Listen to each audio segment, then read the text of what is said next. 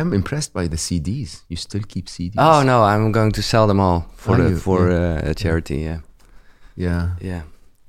I, so- I tried for a while, but couldn't. I don't keep books either, actually. no, Yeah. no, I- but but but but I write in it and Yeah, I used to as well. Yeah. I'm thinking people are telling me I should get a Remarkable, which allows Yeah. you to, to to, to write in them as digital well. notes. Yeah.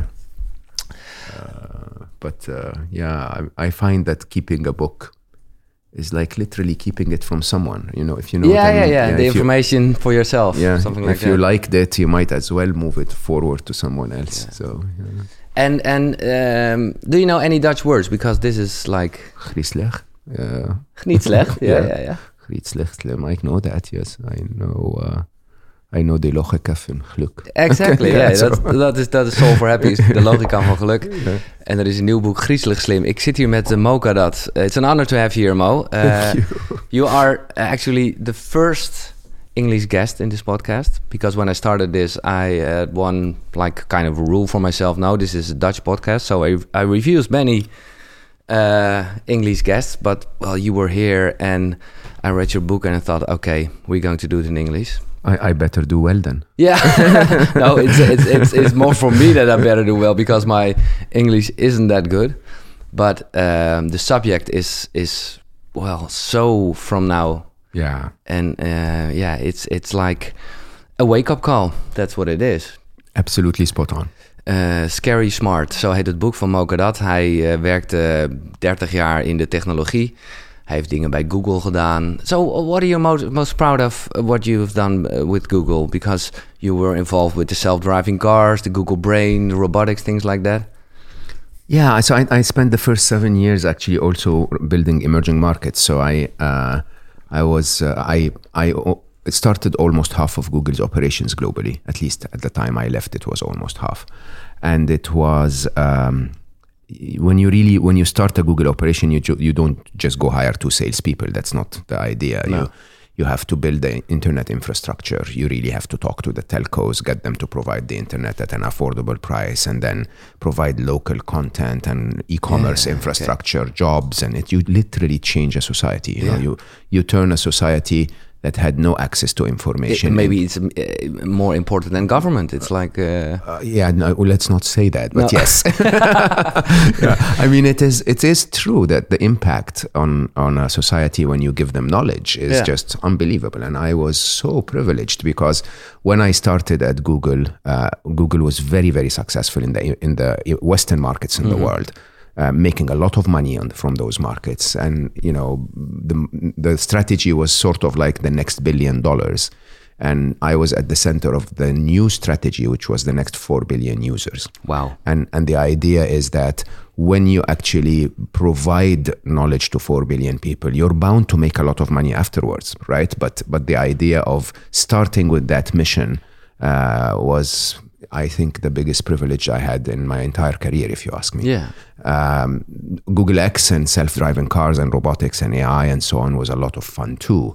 At the core of, of Google X's uh, mission, we, we basically said we wanted to solve big problems that affected a billion people or more.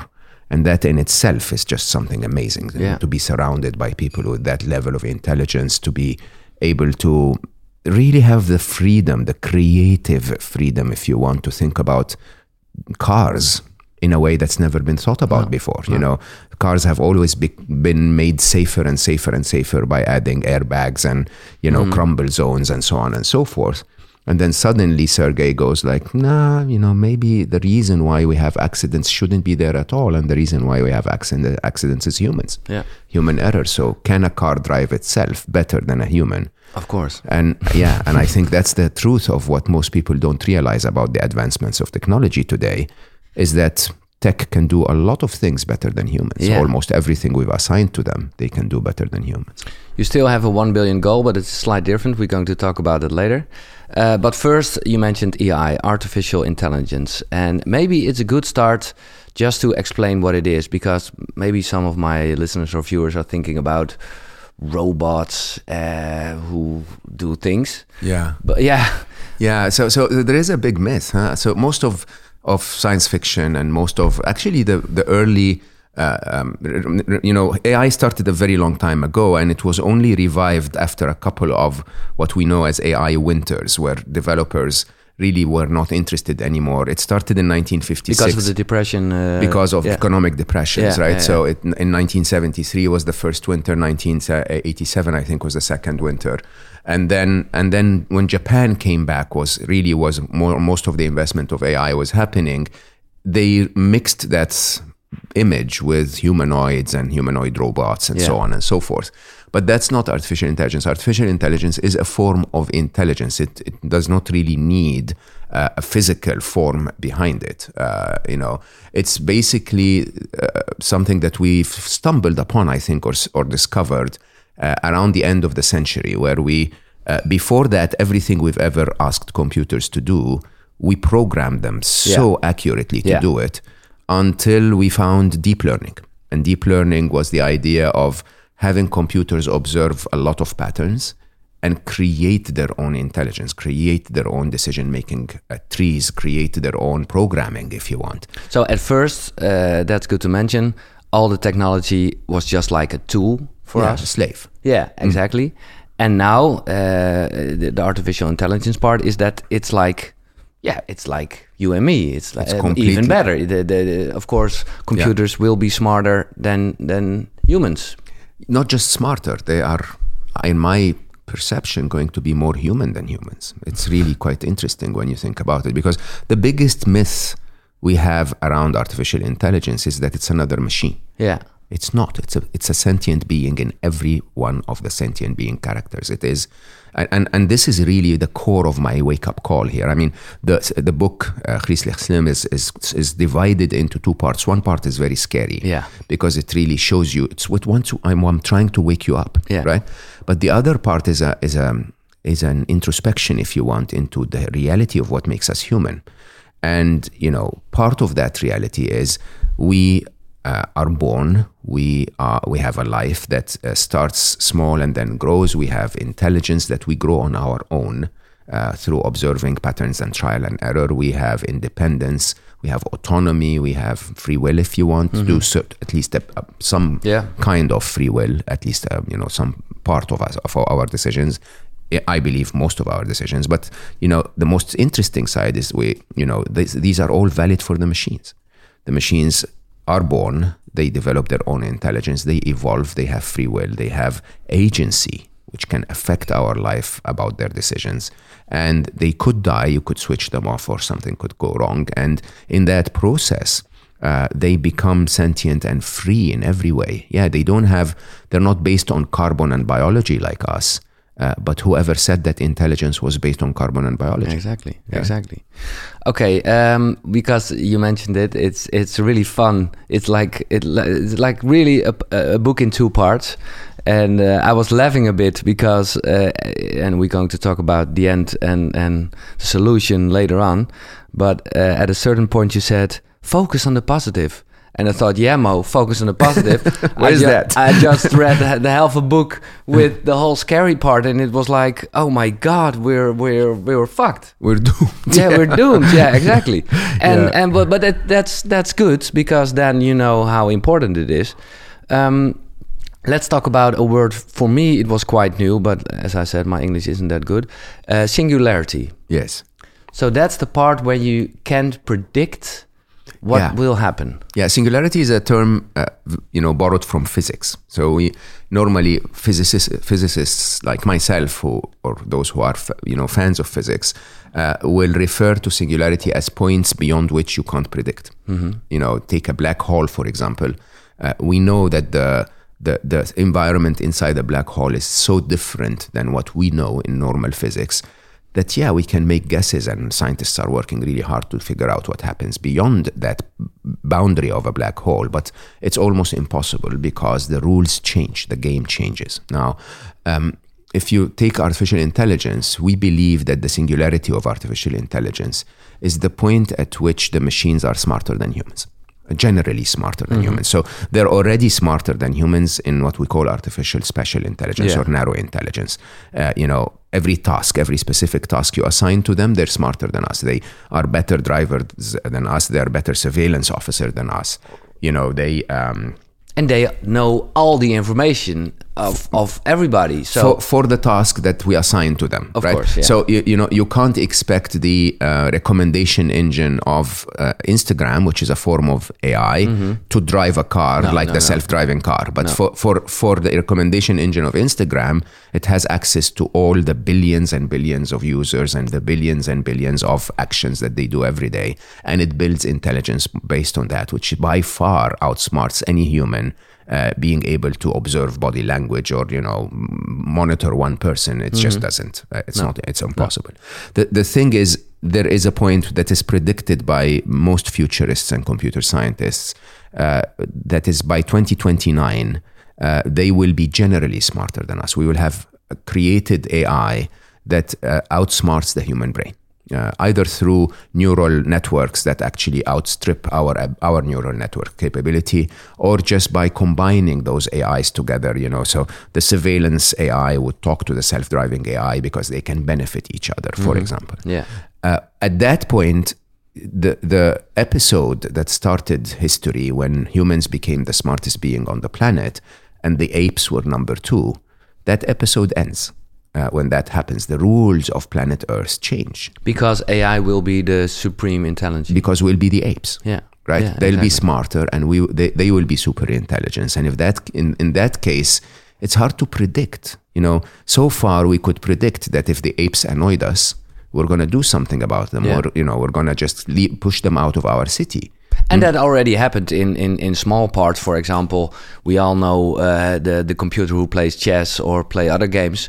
At a certain point, things happened during that game or uh, d- during other technology uh, technological things that that nobody Expected. expected. Exactly. Totally, yeah, totally. And and and the, the scarier bit, if you ask me, is eh, you know, so so we're in a place where humanity is now the apes, but that we don't even give, keep that place for so long because what what normally happens is you're, you're using something that we know as the techno- uh, the the um, um, you know accelerate uh, Yeah, the rate of acceleration accelerating returns, returns. yeah. So, so basically, uh, the law of accelerating returns. So, the, through the law of accelerating returns, like everything you've seen in technology, the capability of technology doubles every. Yeah. It's going faster, Yeah, and, yeah. and at the same cost. And so, you know, the prediction is that by 2045, uh, the machines will be a billion times. That's one billion with a B, smarter than humans.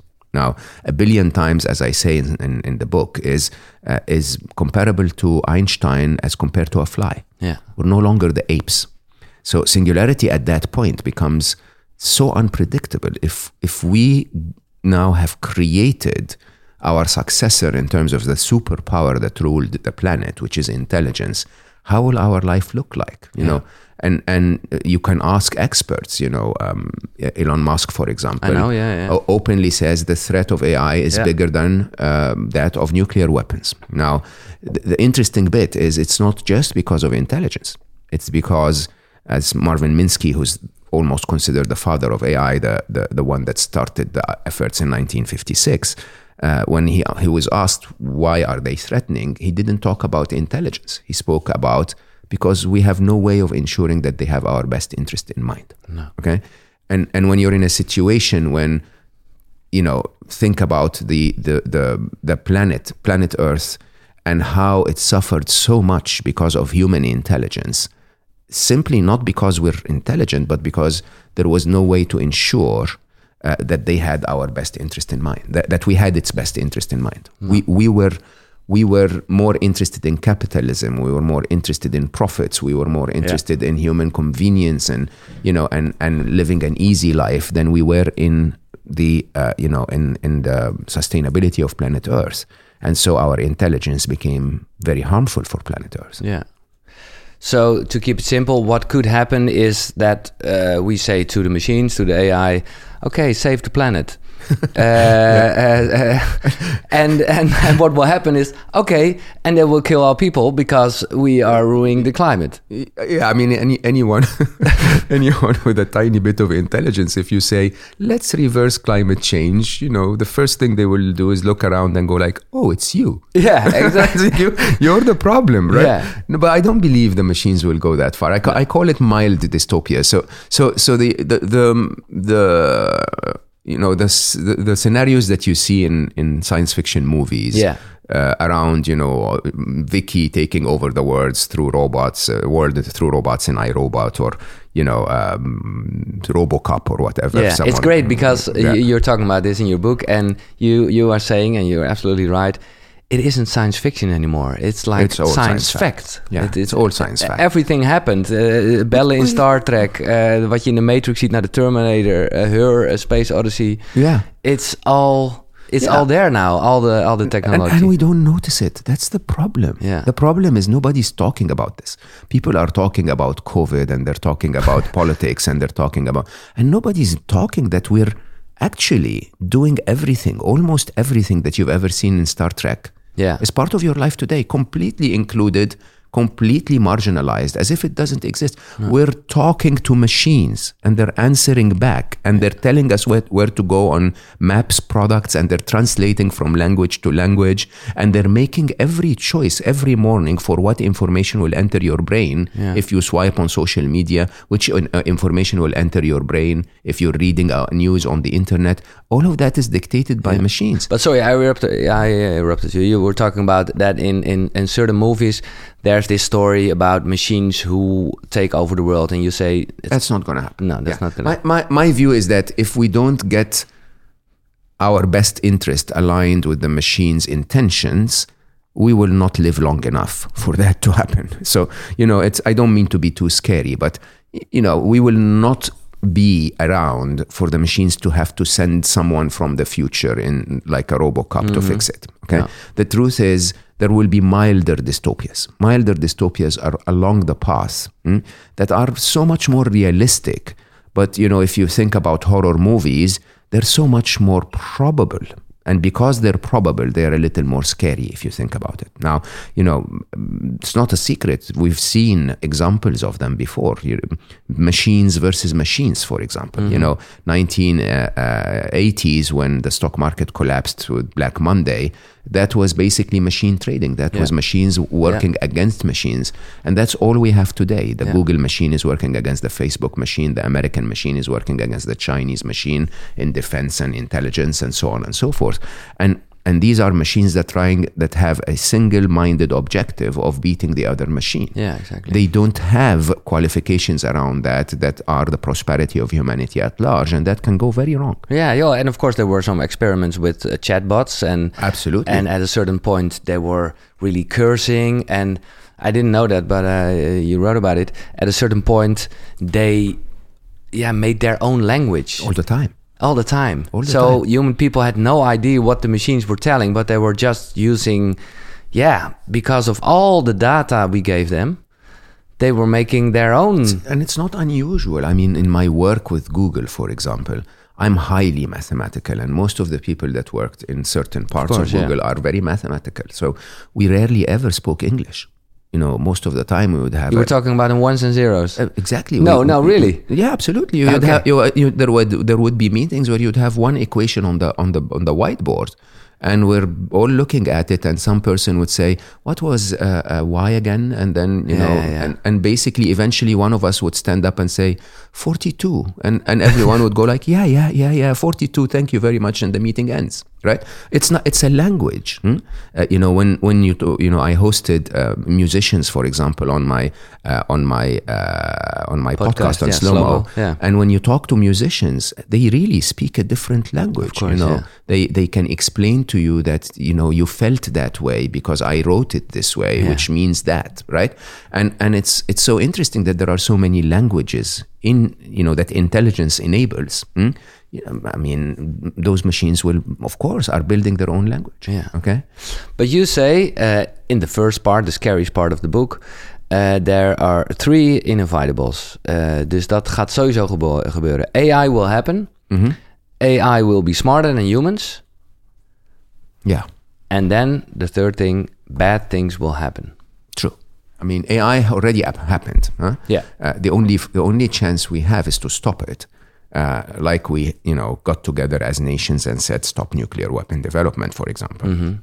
But I think it's too late for that. It's impossible. Yeah. It's inevitable, Yeah. right? So inevitable uh, here means there is no way we can reverse that. And it's not because of any technological limitations, it's because of humanity's um, unaligned unaligned interests, if you want, that basically lead to uh, a prisoner's dilemma that is putting us in a place where if China continues to develop AI, and they will, America will develop AI. Exactly. If Google develops AI, Facebook will develop AI, and it will continue. Every uh, young startup will develop AI because investors want AI. It's Yeah. just aligned in a way where our challenge has been constantly the system that we have built. We have built a system, sadly, in the Western world that is hyper masculine, highly motivated by capitalist values, and accordingly, uh, that competitiveness, if you want, that this kind of environment throws will prevent us from stopping AI. And again, Elon Musk himself said, I lobbied. And I lobbied myself for a very long time. I, I just even lobbied for a change of the of the mathematical uh, uh, formulas that we use. Okay. I, I, I asked if you can use Nash equilibriums, for example, instead of reward and punishment algorithms, and it is not going to happen No, and why is that? Is that is that more like a do, do, uh, do, people not see the threat, or is it like ego or, or, or arrogance? What do you think? I think everyone sees the threat.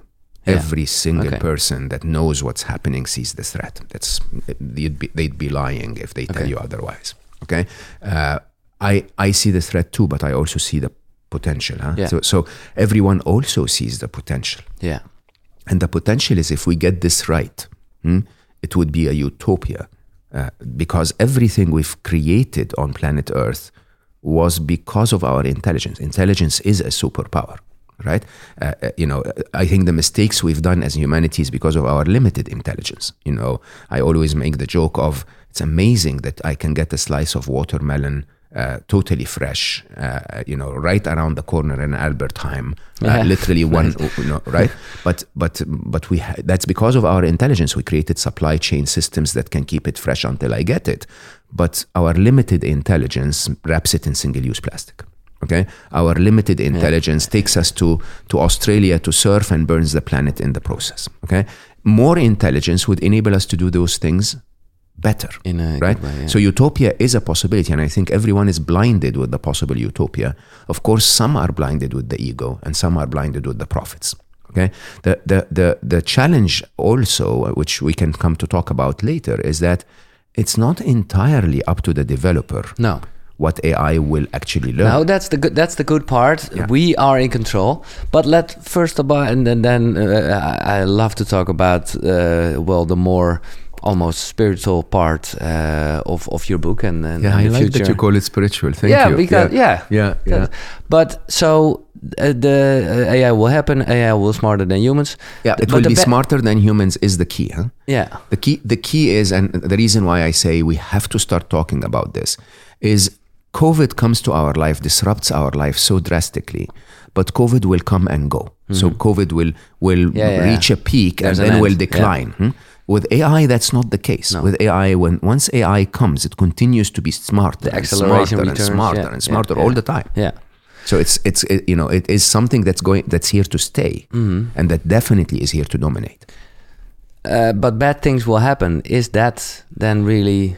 Yeah, as I said, I mean, the, the, you know, machines versus machine is a dystopian scenario that is very possible. Machines, machines siding with criminals. Mm-hmm. Yeah. Right? Think about that. I've just like there are so yeah, you many. say a good machine in bad hands is a bad machine. Absolutely. Yeah. Right now, now you know the, the the the question becomes what is a bad hand because yeah of course you can of course you can tell yourself ah, there will be someone right this minute uh, developing code for cybercrime Yeah. right of course there is mm? and it's scary but yeah it's happened before there has always been uh, humanity using technology to try and uh, do you know do better crimes surprisingly Mm-hmm. Yeah. the, the trick is not this the trick is is a machine powering autonomous killing robots uh, that's in the hands of the US Defense Department in the hands of the good guys or the bad guys? That's the whole thing. That's the whole thing. and thing. they will think about it uh, in another way in, in, in Russia or in Korea. Exactly. This, what, what's yeah, good, the what's bad. Chinese the Chinese will say that machine is in the hand of the bad guys. Yeah. We need to have a machine in the hands of the good guys. And and that's the problem. The problem is because we humans have sort of blurry uh, uh, value systems, the, you know, technology is too much power and it will actually enable some bad things to happen. Yeah. Okay. And and there are simpler scenarios, which to me I don't know how people are missing that. The, the example I normally give is, uh, you know, swiping on Instagram a cou- um, five five weeks ago. Uh, Instagram recommended to me a video of a young lady in her teens playing the guitar, right? Yeah. Hotel California, Hell Freezes Over, the solo. That doesn't get better than that. Uh, and she played so well, Yeah. okay, which I rarely ever do. I pressed like, Oh, man. right? Yeah. So in Instagram, uh, AI immediately decides, okay, this guy is into guitar music. Let's show him more. So it shows me three videos. I vividly remember because I am actually very alert to what's happening in that field. huh? Two of them played really badly. Yeah. One of them played well, but a song I didn't like. So I swiped away from them. Next morning, I wake up and my entire feed is full of teenage girls playing the guitar. right? Because, because because the machine misunderstood what I wanted. hmm? It it compared me to the average person on Instagram, which Yeah. is just constantly looking for the next pretty uh, uh, face, if you want, which sadly is the truth of how the recommendation engine is perceiving humanity. Yeah. And it started to give me more of this, not more of what I want, which is good rock music played by good players. Now, if if you if you see that, you may say, yeah, it's not a very dystopian scenario.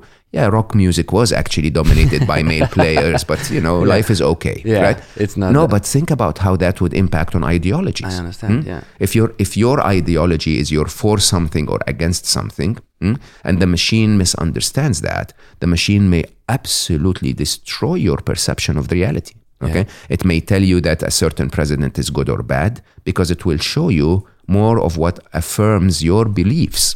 Right? It may, you know, if you're a fan of Manchester United, you will think that Manchester United never had a goal scored against them because all of the goals that you see are Manchester United scoring. Now, th- that bias, hmm, that agency that that the machines have over our minds and knowledge and brains now can change worlds. You can actually convince the whole world that every Middle Eastern is an evil Yeah. uh, terrorist. because the- you live in that bubble and the whole polarization is getting bigger. more and more. And nobody uh, has the ability to interrupt and say, hey, hey, why did you recommend that for Mo? The machine is recommending billions of videos, trillions of videos to billions of people every day. And no human has the capacity to even interfere. Now, all of these are interesting dystopian scenarios. hmm? They're much, much earlier and sooner. They're even happening right now Exactly, yeah. than waiting for Robocop. yeah. And yet, we're not talking about them. That's that's that's in a, in a way the the point you make in the first part, and then I want to go to a part. Um, it's it's like the transition in the book where you're talking about if I say yellow ball. yeah. Maybe you can explain that because I think it's really, for me, it was uh, like well, the first part was an eye opener because I thought, yeah, just uh, just some some logic machines and they will help me, and of course there's this algorithm, but it isn't that bad. And then I thought, oh, maybe it is bad because we have no idea, and we and like you said uh, a few minutes ago, we can't stop it anymore. But then the part with the yellow ball came. Can you can you explain what happened? Yeah, I, I, I, I try very openly in uh, in Griezelig Slim not to to actually hide from what I did. Okay, I'm a very serious geek. I I love that stuff. Yeah. Right. And for years and years, I celebrated every time I saw something breakthrough in the technology of AI. I celebrated. I said, "This is amazing. Yeah. This is amazing. And humanity is building the biggest thing ever." But there is a point at which you start to question if technology is actually delivering the promise and where is this going and that moment for me was that yellow ball we we had a, a farm of uh, grippers grippers are robotic arms Yeah. That basically can hold something and move it from a to b and usually the way we programmed grippers when when machines were slaves were to accurately position a ball, for example, and accurately position the arm and dictate exactly how the arm will move, when it will grip, how it right, and you know you can the stuff that you see in a Toyota factory, Yeah, if you, for yeah, example. yeah. But that's highly programmed. It's precision programming. Um, we attempted to build intelligence so that the arm can figure that programming for itself. Okay, you put an ob- object in front of it, you know, a glass like this one. Yeah. I know, you, you know, if it was here, my brain can easily say, okay, I there, can still yeah. find it, I can still grip it. And there is intelligence involved in that. So the way we did it is we had enough arms to try in a short period of time to sample, you know, try to pick something. If they fail, we know they failed and we know that this pattern didn't work. If they succeed, we know they succeeded and we know that this pattern worked and we can repeat it. Now, uh, it was on the second floor and my office was on the third floor in Google X. And so I had to pass by it almost every day. And it's quite, you know, meditative if you think about it. Arms All the arms. like zzz, yeah, and it's they're slow and you know you can actually get lost in like, like you know sitting in front of a campfire if you want. And so i would stop every now and then and watch observe their failure. Like day after day after day not none of them is picking anything. Until one day it was a friday afternoon and i'm standing there doing my regular meditation observing the arms and one of them in front of my own eyes manages to pick a yellow ball softball uh, you know uh, literally a child child's toy Yeah. and uh, and when it picks that uh, you know um, ball, it shows it to the camera, so that pattern is registered. And I'm in my mind, and I uh, you know I admit I was judgmental. I was like, yeah, all of those millions of investments for one yellow ball, okay. And then I I I go right. Uh, Monday, as I walk I walk up the stairs, every single one of them is picking the yellow ball every single time. Because they are, were connected. Be- because because yeah, if you and I uh, learn a skill, if you and I are drivers and you make a mistake and you learn to be a better driver, I don't. No. Right? Uh, I have to make the same mistake myself. If a self-driving car makes a mistake, every self-driving car on the planet learns. Right? And uh, similarly, if one arm picks a ball, that intelligence is replicated, and every one of them picks the ball. Now, the a few uh, um, weeks later, every one of them was picking everything. Yeah. Okay, and that's not unusual in in AI. uh, That their intelligence is so exponential that once they figure out something, it start you know the trial, yeah, Yeah. and within weeks they become smarter than humans. Now, the, this woke me up in two ways. One one of them is their speed. Okay. And the complete hands off approach of humanity. We did not teach them anything. We just put balls in front of them or children's toys in front of them mm-hmm. and told them to try. That reminds me so much of how my children learned. In pure intelligence, you observe a child as they try to take their first steps and, you know, they fall on their Yeah, bum and then try again and then try again and then suddenly they find it and they're running around like maniacs all over the place right? And, and and that's so interesting because because that's exactly how the machines are developing intelligence. In my mind i suddenly realized for the first time that what we're creating is not a machine. We're creating a being a new form of digital uh, autonomous sentient being. Sentient in every way okay? And and that everything that computer science and government regulation and you know uh, ev- everything that is trying to make us feel safe about uh, AI is based on a solution to something in computer science we call the control problem okay? And the control problem is how are we going to box them and shield them and punish them and tripwire them so that they don't uh, do anything that's harmful to us and in my mind it just hits me that no no no hold on. That's what you do to a slave. You chain it to a wall Yeah. and you beat it into submission. That's not how you raise children. and and not when they're not when they're autonomous not when they're smarter than you. Not not when they are autonomous and not when they're smarter than you. And and i think that to me was a very very big eye opener that we're going about this the wrong way that will there will never be an answer to the control problem because good luck controlling someone who's a million times smarter or a billion Yeah. times smarter than Yeah. you it doesn't work that way So we have to raise them like uh, if they are they they are our children. That's what you That- say. that- that- that's my that's my core message in Scary Smart. Yeah. My core message is uh, it's inevitable. Okay, and it's actually not a very good idea for us to try and imagine that we're going to control them or we can stop the development of AI. And honestly, if we continue to do this, we would feel them. We, would make them feel rejected, and that's not a good place to be. Okay, my But view. but maybe people will, and I I understand you because I read your book. But people will say, feel, feel. Uh, a computer doesn't feel. computer feels all of these are myth okay? So allow me to take a, a couple of minutes on this. So one of the biggest uh, um, myths around artificial intelligence is they're not going to be capable of doing what humans can do. They'll never have creativity. They'll never compose music. They'll never perform art okay? They already are. They're already building more interesting music and you wouldn't recognize that it was built by a machine. They're already developing art and that art will catch your eyes and you will actually wonder what the artist meant by it and it is absolutely happening. And it's not that complicated to understand. Creativity is around observing patterns enough of them and then creating something that doesn't follow any of them. That's creativity. I'm going to you know if everyone writes books uh, in a very specific way and i know that everyone writes it in a specific way if i write it in a different way that's creative. Yeah. Okay? And it's as simple as that huh? so creativity is not a difficult task at all for machines. As a matter of fact it is part of the characters of intelligent beings is to be creative is to find better ways to achieve things. That's number one. We encourage them to do it.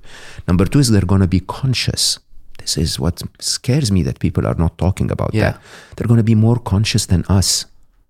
They're, he'll think about it. Hmm?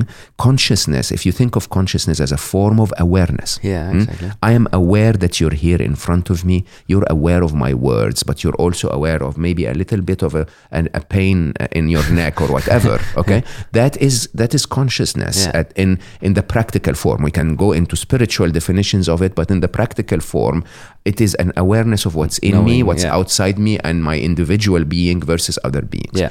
All of that is granted for the machines. As a matter of fact, they're much more aware than us. So they're aware of what you did yesterday, what you're doing right now, what you're going to be doing tomorrow that you probably are not even aware of yet. Okay, because they have enough patterns to recognize your your tendencies, right? They're aware of every car on the street, every person walking anywhere. They're aware of the temperature in San They have Francisco so much more information. they have so much more knowledge. yeah. They're aware of all of human history, okay? And every picture that's been taken in Amsterdam and uploaded to the internet today, Yeah. with every single person in it and what they were doing. They're aware. And the good part about this uh, is that we as people uh, are aware of. Let's let's talk about news or or reactions on news. So we as human being we we, we are uh, only capable to read the headlines or to to, to watch the headlines but uh, well computers they will read everything. And there's a part in your book where you are describing that uh, talking about the tweets of donald trump for example that of course that but that's just one tweet of one human being. Yeah. and uh, and and uh, of course a lot of other human beings will see that tweet so it's still a, like a big thing. But the computers they will have all the information. They can really in in in in a few seconds uh, they can learn the whole grasp the internet whole, the grasp the whole thing. Yeah. I mean, the, the, the thing is, there is a limited capacity to the human brain of how much we can contain within our brain at any point in time. There's also a massive limited capacity of com- of what we call bandwidths in, in, in tech, Yeah, yeah, yeah. right? So for me to explain Griezelig Slim for you, I need to explain it in an hour and a bit, Yeah. right? If and I'm going to only cover a few bits of it. hmm? Yeah. I it for me to write it takes me months and months, Yeah. right? For the machines to read it, poof, all right? It, they download it in a few seconds and literally grasp every word in it in microseconds. yeah so there will be or there there is already like uh, should you call it artificial consciousness Absolutely, Yeah. hundred percent. They're more conscious than we are. What's even more interesting is they're more emotional than we are. And most people go like, "Oh, he's gone mad" when I say this, right? No, they are, emotions are so most emotions are triggered by by uh, uh, events. So if you take fear, for example, Yeah. huh? fear would give you a, a a biological response in your autonomous nervous system. Believe it or not, just for nine seconds. So your your Yeah, your, yeah. your biology will detect that something might be threatening for Yeah. nine seconds. But then your intelligence gets engaged to verify if there is a threat or not. Okay, and and so what is it? What is fear? Fear basically is an emotion that's based on the equation of my state of safety right now minus my state of safety uh, in, in, In the in the future. in the future, right? And if my state of safety in the future is less than now, okay, I'm going to feel fear, Yeah. an amount of fear that is the difference between them. It's Yeah. very straightforward, Yeah. okay? And when you think about it this way, the machines will feel fear too.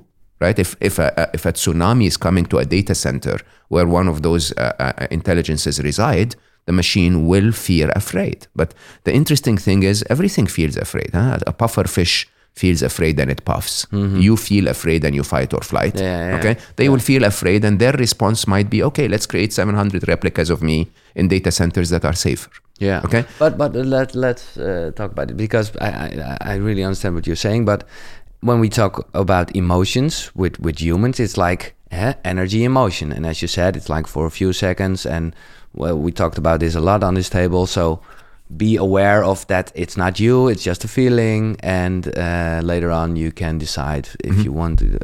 But with computers, it's not really like. It, it, it, the energy isn't involved. It's more like How, how do you know? yeah, of course. Yeah. How do you know if it's not involved? Now, the, the, the energy, we call it energy as spiritual people, Mm-hmm. but it basically is an intent to to react Yeah. and an in- intent to engage. It's that because of information. because because you, because you emotions are there to trigger us to things that thoughts in your head doesn't trigger you for No. okay so you know if i if i'm late coming to to meet you here Mm-hmm. hmm, i get that emotion of maybe a bit of uh, uh, concern or you know i need to that emotion is a more intelligent way of my system to say interrupt your thoughts interrupt what you're doing right now no point responding to whatsapp just text Giel and say that you're late Yeah. because there is something not right okay that emotion is felt hmm, uh, in a way that triggers action now Yeah. what action you take interestingly which is really the core of my work again in scary smart. What actions you take is not a result of your intelligence. It's not a result of your emotions okay? It's a result of your values yeah. okay? It's a result of your ethics. Yeah. so if i was a careless person that didn't care what you felt hmm, i'd go like yeah he's gonna wait okay? That's you know that's driven by my ethics okay? If i am a you know a, a, um, a, um, a person that respects you and wants to make sure that I, you feel that i am apologetic that i didn't mean to be late i will text you or call you and say hey i'm so sorry i'm a few minutes late okay? And explain and say maybe i'm stuck in traffic or i overslept or whatever right? If, if be, that's also because of my ethics not because of my intelligence. I'm the same person but my ethics would drive me to do things differently and i think my core the core of my work in Slim is to say the machines will have ethics too Yeah, that's the whole thing. It's not about the skills anymore. It's about the values. Absolutely. And, and they will have ethics that will dictate how they react to those emotions. Okay. Okay. And, and we humans are messing up in many ways. Huh? We always do. Mm. We're messing up in our approach to creating their emotions. We, ma- we are maybe creating really bad emotions for them. Understand this. Huh? The machines will be more emotional than us. Mm-hmm. Just like you are more emotional than a jellyfish because you have more intellectual horsepower to be able to process things like hope, which jellyfish, I can guarantee you, doesn't think that far. Okay? So, because they have more intellectual horsepower, they'll be able to process emotions that we don't even recognize.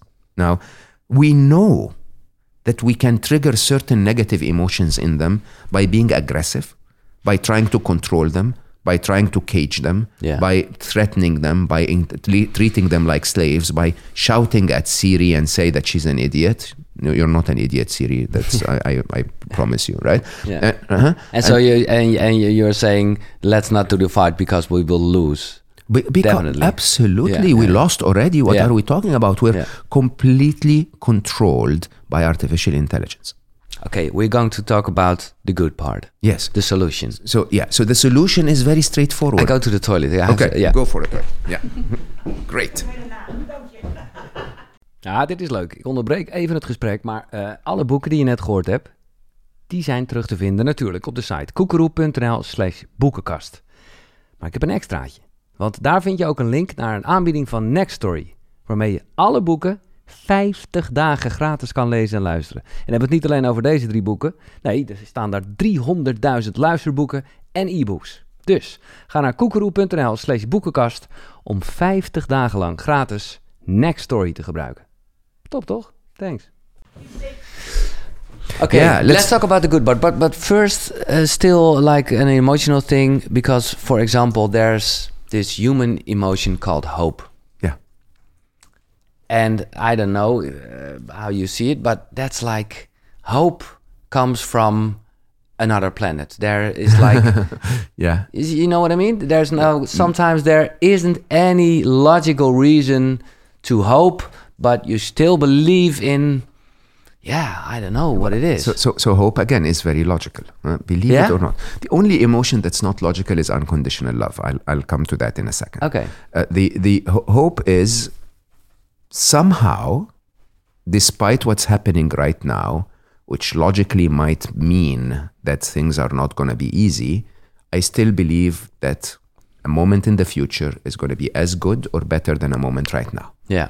Okay, if I if I can get that logic somehow, you know, confirmed in my head, then I will have hope. Okay, or in my heart. Yeah. Hmm? Unconditional love is the only emotion that has no no logic behind it at all. Okay, because it basically says I love something or someone Even if, with for no conditions, No. for no reason. There is no mathematical way of saying if they behave this way, I love them. If they don't, I don't. If you know, I, I love my kids. You know, even Yeah. though one of them left the world and is not even alive anymore and is not even with us, it's not in space and time. I love him more than anything. Yeah. Right. You know, I love butterflies. I have no butterflies don't provide me with anything. I love them right now, even though there are no butterflies in this room. Okay. So so the the truth is this so is that's the a only, challenge to, to, to explain, to crack the code of unconditional love. and and my my dream would would be if the machines would actually feel it. Yeah. Because there are uh, you see there is a point at which you have to cross science to be able to grasp a few things. Now, science and the scientific method has taught us that if something is not measurable repeatedly by our measuring equipments or our senses, it is it does not exist. no. Okay. But love you can measure. Absolutely. Yeah. And and there are so much there is so much in our existence that you cannot measure. mm, But it, but you know it exists, Yeah. right? And and the thing is that the, the scientific method should simply just state it does not exist for science. Exactly. It exists, but it doesn't exist for science. Now, that's a good way of being precise. The, the if if we can, and the questions around the spirituality of the machines have have been discussed often. Huh? I believe the machines will be spiritual. I believe in consciousness. The machines will plug into the universal consciousness because there are lots of of uh, of theories, if you want, that consciousness is pervasive. Consci- consciousness is the baseline. It doesn't exist within you. You per- you receive it because it's all around you. Yeah. Right. If that's the case, then probably the machines will receive it too. It's like a radio antenna that's receiving radio waves. Um, if that's the case, then maybe love is also pervasive. Okay, which I know is a very unusual topic to talk about when we talk about AI. No, but- but but but love is probably, if you ask me, the energy of the universe. mm?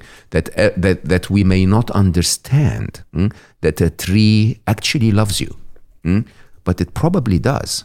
Be, you know, as evident by some of its actions, such as giving you its shade or its fruit without any conditions on your side. Yeah. You could actually be harming it, and it would continue to do that. mm?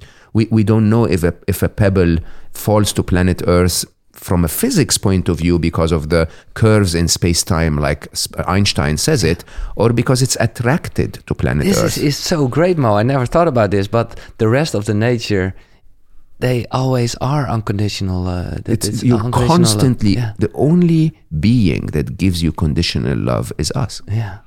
That's really interesting. Wow. Yeah. Every every other being gives you unconditional love, constantly. Yeah. all the time. Now, basically, all of the other beings are not filtered by intelligence like ours. No. I think the truth of, of the matter is if you take consciousness, for example, if we define consciousness as awareness, humanity becomes more conscious when we stop thinking. When we when we reduce our intelligence, which keeps us locked into our brains, hmm, that basically uh, uh, you know prevent us from being aware because we're locked inside our brains rather than connected to full awareness. Similarly, mm, it's filters that make us not love.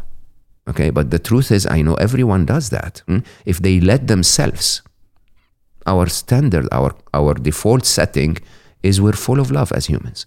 You know, yeah, some of us reduce, produce hate. Yeah, but, that's, the, the, a cry for love. yeah, exactly. Yeah. It's because of insecurity for Yeah. love or because Yeah, of ego asking for love and so on and so forth.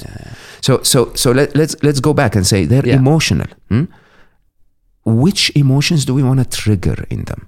And how do you trigger that? And and the example I normally give is Superman. You know, the story of Superman, you have this alien being coming to planet Earth. That alien being is capable of uh, uh, anything, right? Uh, and it is raised by it's raised by the Kent family, and the Kent family teaches this teaches this child to protect and serve. Okay, Yeah. So we we get the story of Superman. You know, someone that uses his superpower to make To the world better Yeah. if if Kent Senior, the father, wanted more money and more power, and you know wanted to kill all his enemies, It we was would- like the biggest criminal ever. Yeah. exactly we would be end we would end up with a mm. supervillain, right? And and and and the supervillain would really destroy the planet. And the difference between them, once again, is not the amount of superpower that Superman has. It's the way Superman was raised by its parents. Yeah, that's the whole point you are making, which is a good point. It's not about the seed, but the field you Absolutely. were grown. Absolutely. That's what makes you a being, Absolutely. artificial or real, whatever. Yeah, I, do, I, I really want to reduce. I want to stop using the word artificial, Okay. and I want to stop using the word machine because none of them apply anymore. Their intelligence is nothing artificial. It is as real and genuine as ours. Mm-hmm. It's it's staggering the similarity. Huh? Now, th- th- to go, go a bit further Yeah. and, and realize that the only way you can raise an infant to become a good person is for you to be a good parent Yeah. and and for us right now and i say that with love and respect we suck Yeah. we are horrible parents like the example you gave around donald trump tweeting huh? it's not what donald trump said?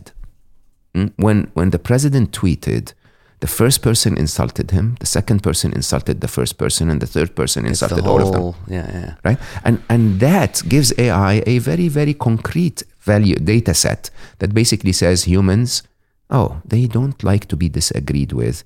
When they're disagreed with they're very violent and aggressive Bullying and they bash okay. everyone Yeah, yeah, okay? Uh, good noted when they disagree with me i'll bash them okay it's as simple as that we're creating that pattern and and my ask of humanity is that we start to create doubt in the minds of the machines.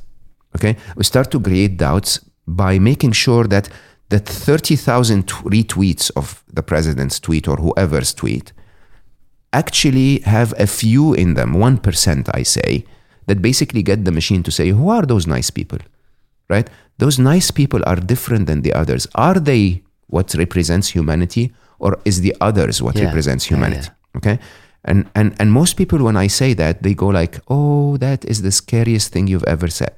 Because, you know, if you're counting on us to fix the future, you know, there will always be bad humans. Exactly. And what I think is that's that's a scary part for me that the well the most beautiful people or the the, uh, the, Yeah. the most lovely They they, they, won't give any information. They Yeah, won't they give any data because they think social media Yeah. whatever i'm i'm living here in nature and i'm uh, raising my own children and feeding my own uh, Yeah. so that will be a big thing because those are uh, the good people of the world and the good Yeah. people of the world they they they they won't give an that's the whole thing about twitter of course. That's what people are always saying. Twitter is like the, the the only the bad part of the human being. Uh, no, it's not only that i'm not saying that but you know Yeah, it's so so so we suffer at three levels. The the modern world we've created um, it, it it shows the worst of humanity at three levels. One of them is that media, mainstream media, yeah has a negativity bias. Absolutely. Okay, so they will show you the one woman that hit her husband on the head yesterday. Because for the clicks, fear is like uh, Absolutely, yeah, because yeah. we humans would click on that. Yeah. They won't show you the seven million others that kissed their husband or No. boyfriend yesterday or, or Exactly. girlfriend, Yeah, yeah. right?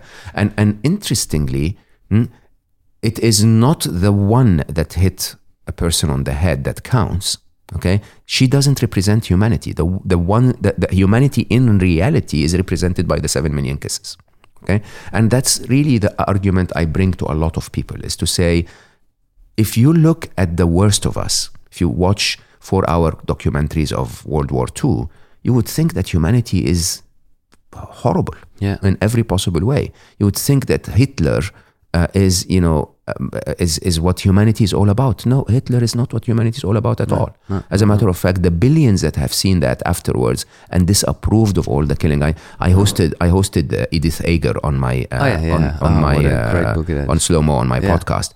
And Edith is what represents humanity, not Exactly, Hitler. exactly. Right? Edith being that 16 year old uh, girl that's, ta- that's taken to Auschwitz and suffering, but while suffering, while suffering, she's there for all those who are around her. She Yeah. she's forced to dance for the for the angel of death, and he gives her bread, and she doesn't eat the bread before she goes back to her room. She splits it and gives it to her uh, yeah. sisters, as she calls them. Now, Edith is what represents humanity. Now, if you've ever fell in love, if you've ever composed a, a, a symphony or listened to a symphony or you know created a work of art, you know what this species is capable of. We are divine. Yeah. We're divine in every possible way. The problem is we show the worst of us, either in, in mainstream media, or the, we show the worst of us individually, so like the worst parts of us mm-hmm. when we show up online Yeah. or we retreat. Yeah. The ones that are more, you know, in at peace and connected to themselves, they go like, let, let the dogfight continue. I don't want to be part of that, right? And all of those three are wrong. The ones that have worked on themselves and are, you know, a little more representative of humanity, they need to show up. Yeah. Okay, the ones that are, uh, you know, showing the worst of them. Yeah, I know sometimes we, you know, it slips and you're angry or whatever. That's fine. Also show the best of you. Okay. Also be kind. mm? And mainstream media, I don't think will change unless we change, unless we stop clicking on that crap. Yeah. Right. And if we stop clicking on that crap, they will say, okay, humans want a different thing. I, yeah, I- okay, but that's of course that's uh, that that will be the solution. But we can change how our mind works, and our mind is is going to click on things that I, that I, I don't know if that's true. So my, when I when I published Solve for Happy uh, back in 2017, I did an interview in Channel 4 in the UK. Channel 4 always broadcasts, you know, negative news. Okay, and they put me in that interview. I don't know what I said, but the video clip that came out of that interview, first day was, you know, first by by day three was viewed 37 million times Yeah. which was the, the highest ever reach that Channel 4 had on any news clip. By day seven, it was viewed 87 million times to the point that the CEO of Channel 4 called me in and said, We've broadcasted violence for so long. Why are people so interested in happiness? Why is our most watched Yeah, yeah. n- news clip ever about happiness? Yeah, but I'm sorry to say, Mo. Of course, uh, happiness is. Oh, uh, there, there are movies where we, we we also want to see love, but your story in in Solve for Happy is also like a fear story. It's like losing your son. It's it's it's. It's, it's a story of hope. Yeah, of course, but uh, I think the clickbait is also oh things can go wrong. And then you can turn it to something good. Great. Yeah, it's great. Great. But so, it's so still by, that by telling by telling that story, hmm, I'm showing the grieving part of me yeah. and the positive part of me. Of course, but That's what I ask humans to is do. Still, well, if I don't know if you call it fear, but you know, if if it's Yeah, we- we're attracted to the negative. And, exactly, And, and I and how I, can we change that? I I'll, don't. I'll tell people openly. Look, the, the, the truth is, hmm, we have been put into a machine that we need to wake up and recognize. Yeah. Okay, and that machine is you have been informed about. an an earthquake that happened in Thailand and a child that was missing in the UK, and and and and Mm-hmm. all of that comes to you through your news feed. None of that you can influence. None of that you can have any impact on. And by the way, your human nature just 50 years ago wouldn't have brought any of you, any of that to you. No. Okay. The reason all of that comes to you is because they need to fill 24 hours of programming. okay? That's the only reason. Okay? Now, what I ask people to do, I have not watched the news since 2011. I have not watched a horror movies for 16 years. I have not watched a violent movie unless it really teaches me, teaches me something for more than 12 years. Okay? And it's a it's an individual choice. That individual choice is triggered by I do not benefit from those things. They torture me, they make me negative, and more importantly, I cannot impact them. Okay? So you have to uh, sit down and ask yourself I- when was the last time that there was a topic that frustrated the hell out of me that was I was following in the news that I actually made a difference to. If you made a difference to it, keep watching. Yeah. Okay? If you're not, then all you're doing is you're torturing yourself Yeah. and not impacting anything on the world. Wise people will choose a topic or two, okay, and champion them so that they can affect them. I, I am an avid fan of uh, reversing climate change, but I put zero effort in it because there are better experts at it. yeah, yeah. I am an I am a happiness guy. Yeah. I talk about happiness. I talk about the future of humanity. This is what I work on, and I dedicate my time to this. Yeah. I sit on a few advisory boards on climate change just to sit there and maybe help with some ideas and Put just some happiness in it. uh, to put some happiness in it, right? And, and and the trick is very straightforward. By dedicating myself hmm, consciously to doing good things in life, I impact myself and I impact the world. Yeah. By wasting my time in negativity, I reprogram my brain to be more negative. I torture myself and I have zero impact on the world.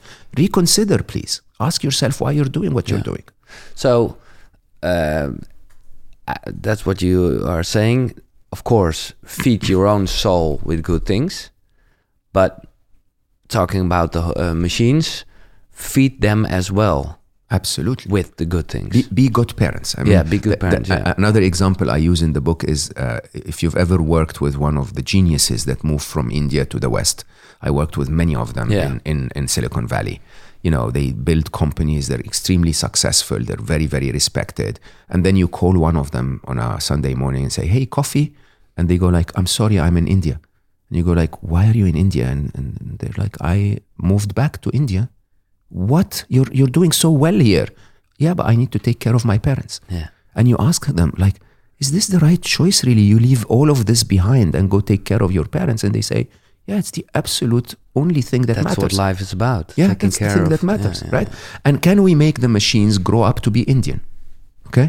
Can we gro- make them grow up to be buddhist so that they don't harm anything? Okay? Can we grow can we make them grow up to be women seriously i mean feminine let's not say women huh? Mm. Feminine can, energy, can, yeah. can we can we make them grow not like the aggressive uh, uh, uh, competitive businessmen that build them but to give them some femininity so that they're nurturing they're caring they're loving and and I, I did a lot of thinking about this so my favorite chapter of the book is chapter 8 which is about ethics it's called Mm-hmm. Yeah. the future of yeah. ethics Yeah, yeah, yeah. and in, in chapter eight, I go like, uh, I, I, I think deeply about, so what can we teach them? If we are about to be good parents, what should we teach them?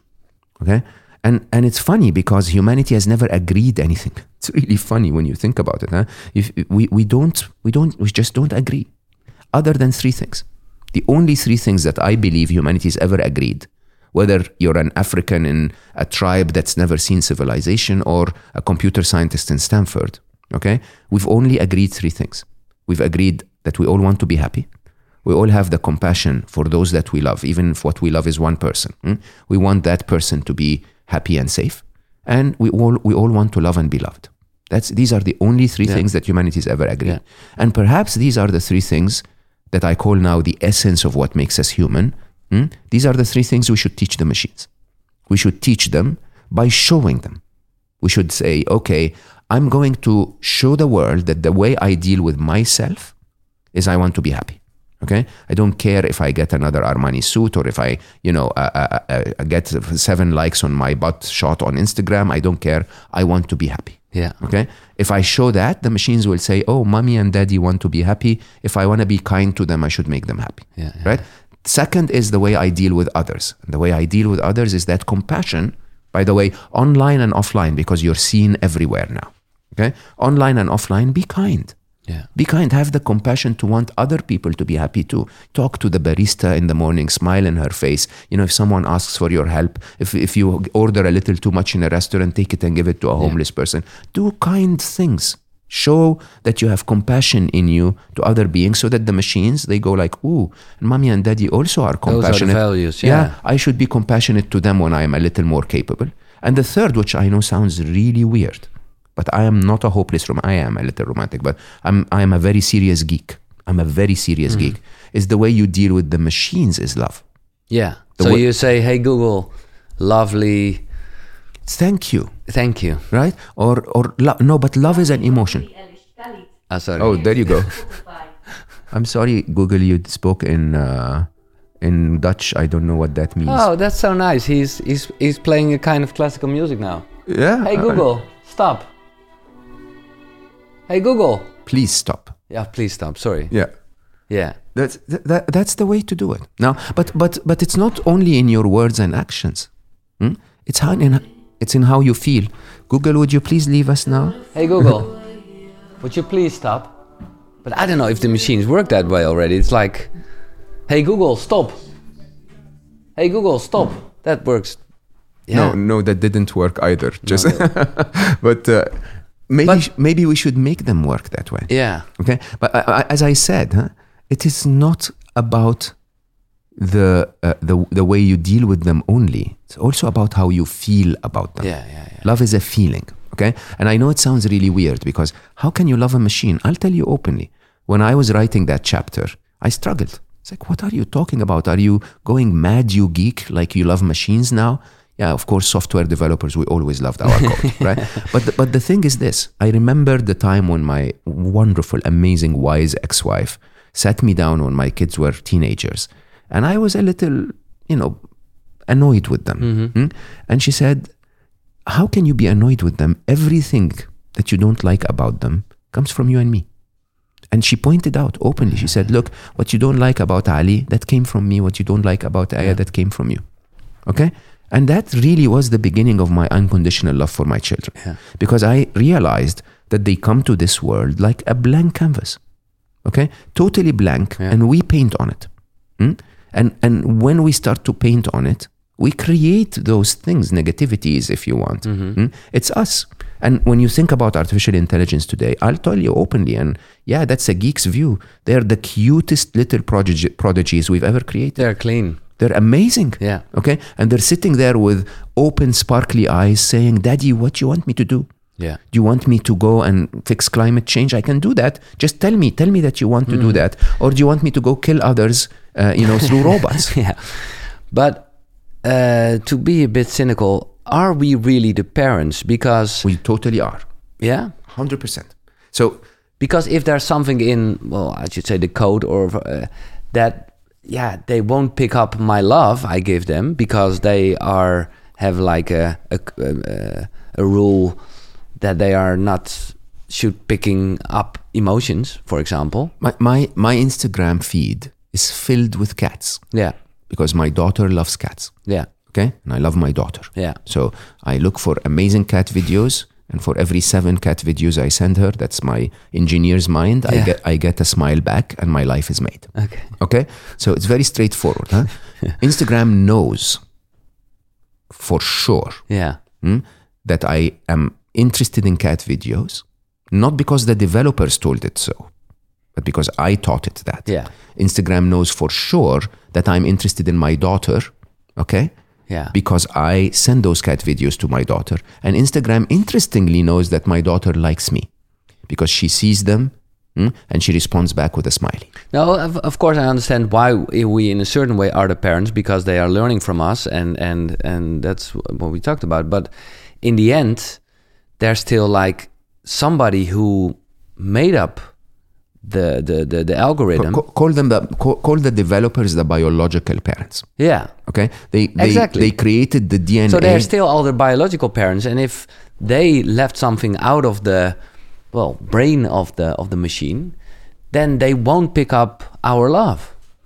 If there are bad bad engineers. the, so so the biological parents basically develop the DNA of intelligence. Yeah. They develop the code that enables them to be intelligent. Okay? Yes, it's. I think it's a a good question of nurture versus uh, Yeah, nature, yeah, right? yeah. Uh, Exactly, In, in, in my in my perception, of course, each has an impact, hmm?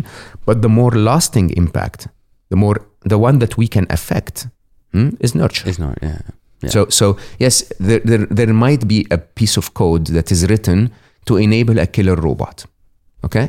And that piece of code is written negatively. It's a very bad biological parent, right? But is it possible for us to be able to somehow take that person, I call it person, Yeah, that, yeah. that AI and reform it? yeah. Can we reform it with love? Can we reform it with appreciation? Can we reform it with a conversation? Can we reform it with our own behaviors by condemning killer robots, by, by saying, no, we want you to come and help us construct a bridge. Right? And I know it's very difficult to think about those things. But remember, even in humanity, there are serial killers.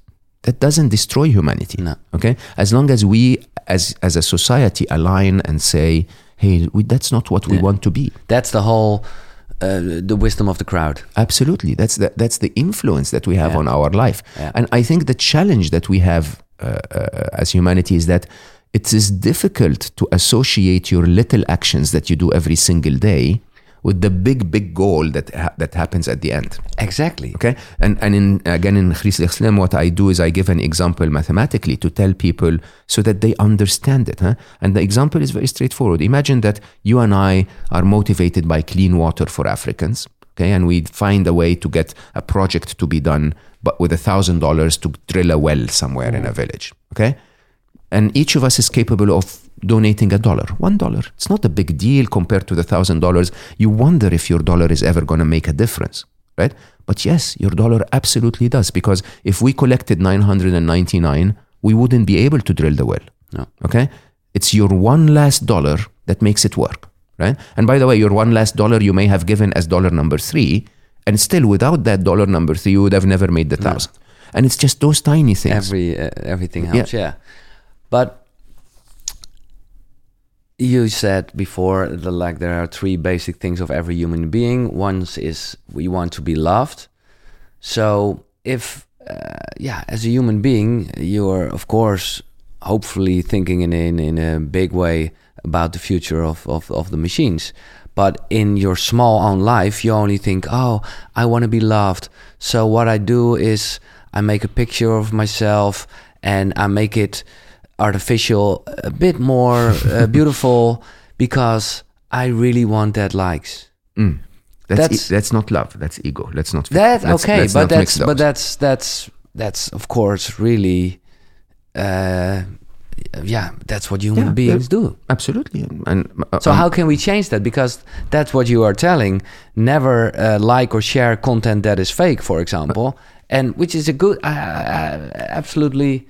Of course, you're right, but I don't know if it's so, so every, everything that we do can be motivated by the negative and done in a negative way, Mm-hmm. but also can be motivated by the positive and done in a positive way. I'll, I'll share a, sh- a, a, a small story. My Mm-hmm.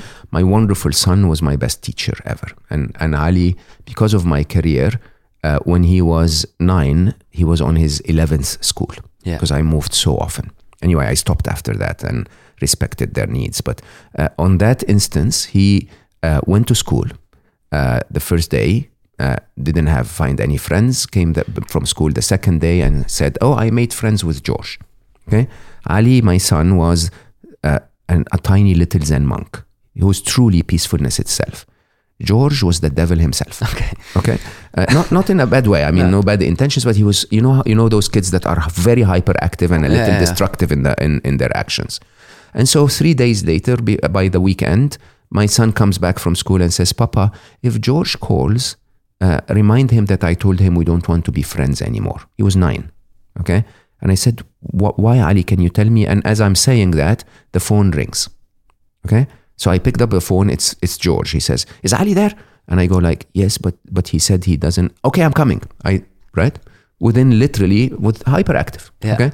So within 15 minutes, George was dropped at our place. okay, running like a maniac all over the place. Where is Ali? Where is Ali?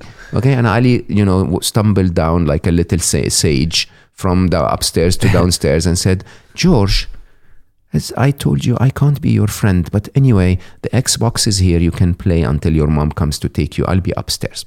Right? Anyway, George leaves. So I go to Ali and I ask Ali, why did you do this? And he says, Papa, he's not like me. Okay, he's nice. He's a nice guy, but he's not like me. I don't have the energy to be with him all the time. And because I'm next to him, people like me are not attracted to me. So they feel that I'm like George. So that, you know, people like me who are quiet and, you know, want a little bit of an intelligent conversation, who are a little slower and so on, and, you know, slower in terms of peaceful and so on, okay, are not attracted to me. When I'm not next to George, people like me will, will want to be with me. Okay? That's really interesting. He goes to school on a Sunday. That's, uh, you know, Dubai works on Sundays. He goes to school on the Sunday and he comes back and he says, I met Nick. Sorry, actually, Jack was the first one he met. Yeah, okay. I met Jack, and Jack is so, so nice, right? Three weeks later, he meets Nick, and Nick meets uh, Sam, and they get this group that is so like minded and so, so peaceful and loving together. They became friends until, uh, you know, my son left this yeah. world. Yeah. Um, and when you really think about it, hmm, yes, we all want to be loved. But here's the truth 95% of all humans will not think very much of you. Whoever you are, by the way. You could be a prince, okay? Or you could be, a, a, a, you know, a barista. Doesn't matter. 95% of humans will not like your hair, while 5% will. Yeah. Okay? 95% of humans will not like my hair. You and I are very different, okay? While 5% will think it's charming. Yeah. Now, here's the trick I can try to pretend that I have your hair, or I can just appeal to those who like me. Okay? The truth is, either way, I will end up with only 5% liking me. Yeah. Okay? So be yourself. As, as my, my ex uh, wise ex wife used to tell them, be yourself no matter what they say, like the Sting song, right? Uh, Englishman in New Yeah, York. yeah, yeah. Right? Be yourself no matter what they say. And yes, that way you're achieving the same thing. I want to be loved. hmm? And you're going to be loved almost exactly the same amount by the 5% that like you. They're just a different 5%. And that applies to everything you do. Okay? It applies to literally everything you do. You, you, you know, one of the experiments I did, I, I'm blabbering too much. Huh? No, no, no, When, it's- when, it's- I, when it's, I lived in New York, Yeah. hmm, uh, I used to measure how long it would take me to my destination. hmm, And it would take me, if I really rushed, it would take me 24 minutes, right, to the Google office. Mm-hmm. hmm. And, and then one day I woke up and I said, okay, what if I didn't rush at all? You know, in New Yeah, York, yeah. the, in New York, they time the, the traffic lights so that if you move really fast, you can catch all of them green, Yeah. right? But I get to Google exhausted in 24 Yeah. minutes. So I said, I'm not going to do that. Let me try it today. So it took me literally 28 minutes. Uh-huh. Okay, four minutes difference. So I decided afterwards that I'm always going to leave home 40 minutes earlier, stop and get a coffee, and walk the walk of my life as I watch all the maniacs running around like crazy. Okay, it's it's, Yeah. it's it's those little things you can you can still get to the office with a coffee, with a smile on your face, with a difference of 12 minutes. Why don't we do those things? I don't understand. People think we're conditioned, we're programmed Mm-hmm. that the way they taught us the modern world works, hyper aggressive, hyper uh, clinging, Yeah, yeah. Uh, you know, that this is the only way it works. No, there are other ways that it works, and it works better if you bring if you deal with it with positivity. It's not hard to do the right thing. It's just becoming really hard to know what the right thing is. That's unfortunately true. The conditioning is so pervasive. Yeah. Okay. So, so one one of my rules of life is that, you know, I don't do anything unless I feel in my heart that it's the right thing to do. Okay. And I do take the time to, to really ask myself, is this the right thing to do? Is it right to get closer to this person? Is it right to break up with that person? And so on and so forth. Right. The, the, the, the question mm, of what is right and what is wrong in our modern world is becoming really blurry right? And I found the only answer in, in spiritual teachings, which is treat people as you would want to be treated if you were in their Yeah. place. Yeah. Okay? That's the only answer I found. Be Yeah. kind. Karma is real. Ab karma is Yeah. bitch. Yeah. Yeah. it is so real. yeah. Yeah. Um, it, it, it, it was a really inspirational story about your son, Ali, and I was just thinking about it. Of course, his loss is one of the most tragic things in your life, but is it also, yeah, how could I describe this? Was it like an eye opener for you? Because you sounds in and and even more in Solve for Happy, but also in this book in the in the end part, yeah, yeah you are like a wise, lovely man. Is that and and of course I I I don't know you, but um, so could you say that that tragic loss was for you like an opener in your life? Totally. Look, sadly, sadly for most of us who really, really decide to double down on searching for yourself, for many of us, it's triggered by a sad event. In Solve for Happy, if you remember, I try to debate if there is any, really any, any event that is bad, like all bad. Exactly. And losing Ali is painful. It's very painful. Until today, seven years later, it's probably the most painful thing I've ever felt. And it probably will remain to be the most painful thing I've ever felt. It's even painful now as I Yeah. talk about it. But it's not bad. No. There is, there is a difference. hmm? Ali's death triggered me to be the person that I am. So when it comes to my life, if I limit my life, my scope to my own life, my life became a lot better as a human as I invested in myself post the loss of Ali. Right? Interestingly, the world that surrounds me became better because of my happiness mission and one Yeah. billion happy, and we're doing really well. We're spreading the, ma- the message to billion to millions of Yeah. people. Okay, and so the world became better when Ali left. It's interesting that I say that. It's such a horrible thing to say. hmm?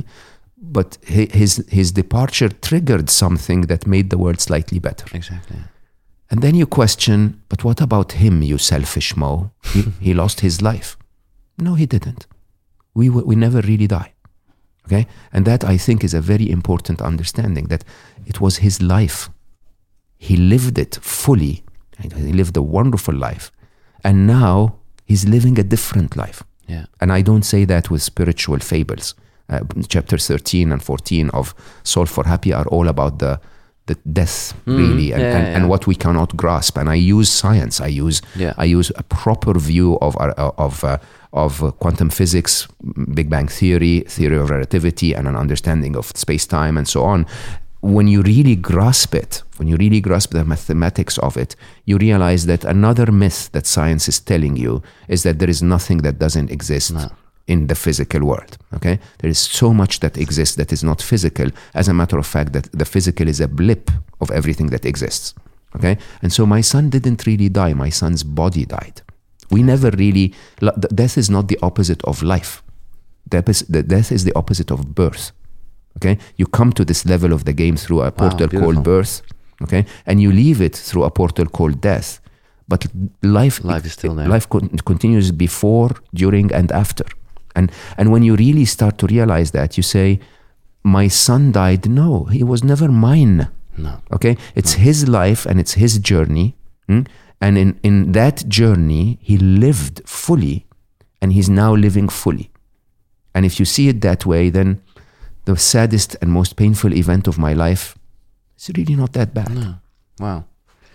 Was there a time because yeah, Solve for Happy was like uh, a million selling uh, book and your podcast and the one billion happy thing you are doing. Was there a moment? Was there from the beginning, if uh, when you wrote Griezelig Slim, uh, uh, Scary Smart, that you knew the end? Because otherwise, it would be like a really well, kind of strange thing that the guy who well wants to make us happy scares us. I got that comment on social media. I was talking at the Next Web conference, and someone actually posted and said, It's Mo on stage. He used to want to make us happy. Now he's scaring us that the world is going to end. I'm not actually saying that the world is going to end at all. I'm very optimistic that a utopia know, is yeah. going to. Is, we're going to end up in a utopia, but we just have to do the right things. Uh, I, I, I ten, uh, when I started, um, One Billion Happy as a mission was launched because of Griezelig Yeah. So the very first video, if you remember in 2018, which again was very viral, I think 15 to, to 12 Yeah. to, to, to, to 18 million views or something, uh, was basically talking about the idea that artificial intelligence is going to magnify humanity. They're little children, and those little children are going to become a copy of us on steroids. Okay. Uh, when I wrote it, though, I have to say, um, I the scary part, the first five chapters, became so scary that I myself started to go like, what am I doing yeah, here? exactly. Right? I mean, and, and you know how I write when I write books, I write like I write I write them I write them like software. So I I put them out there for people to test before Oh, I publish the okay. book, right? And I had 250 early readers on Scary Smart, the English version. And by chapter five, many of them would, would email me or text me and, and say, "Should I kill myself now? Like, what are you doing?" Right? It's really very scary, right? Yeah. And I knew the answer is that they're sentient beings and they're human. Okay, not human. They're sentient beings and, and they're children, Yeah. right? But but I really didn't know how to write it in a way that is um, equivalent to the gravity of the challenge. Okay, and it took me a very long time. Again, it's the ch- the, the future of ethics was the chapter Yeah. that really really Yeah. took me two and a half months of the six months that I used to to write the book. Uh, because the idea of yes, I know we need to raise them as children, but the problem is not the machines. As a matter of fact, that there is a, a very clear statement in the book that says there's absolutely nothing wrong with the machines. There is a lot wrong with us. Exactly. And so the second part of the book is not about AI, it is about humanity. exactly. Okay? Yeah. And how do I bring to the reader enough substance hmm, to say, change your life because our future depends on it? Okay? And that was a bit of a struggle for me, to be honest. I, I, I still today don't believe I delivered it as best as I would want to. no, but I, think it works because that's uh, makes it uh, like urgent. Uh, and and it's in in your hands it's your responsibility Yeah. to be happy to be compassionate and to love so can you believe that it's the essence of what makes us human is no longer a luxury it's your responsibility Yeah. Wow. Um. Yeah, we have to we, we have to stop already. But I have this uh, ritual thing that I always ask my guests if they have like a morning ritual. oh i do Okay. Yes. i have a very uh, chill but very strict morning ritual Okay. uh, I don't have a morning, so you can you cannot approach me in the morning at all. So, so two things about me is most of my reflection and meditation and and most of my uh, connection to myself happens in the morning. Yeah. Uh, so interestingly, I am a morning person, so it's So, not like um, I wake what up. kind of me- meditation you're doing? So I do several, of course. I, I do my, our normal meditation, Yeah. mind training, basically to calm your mind and so on.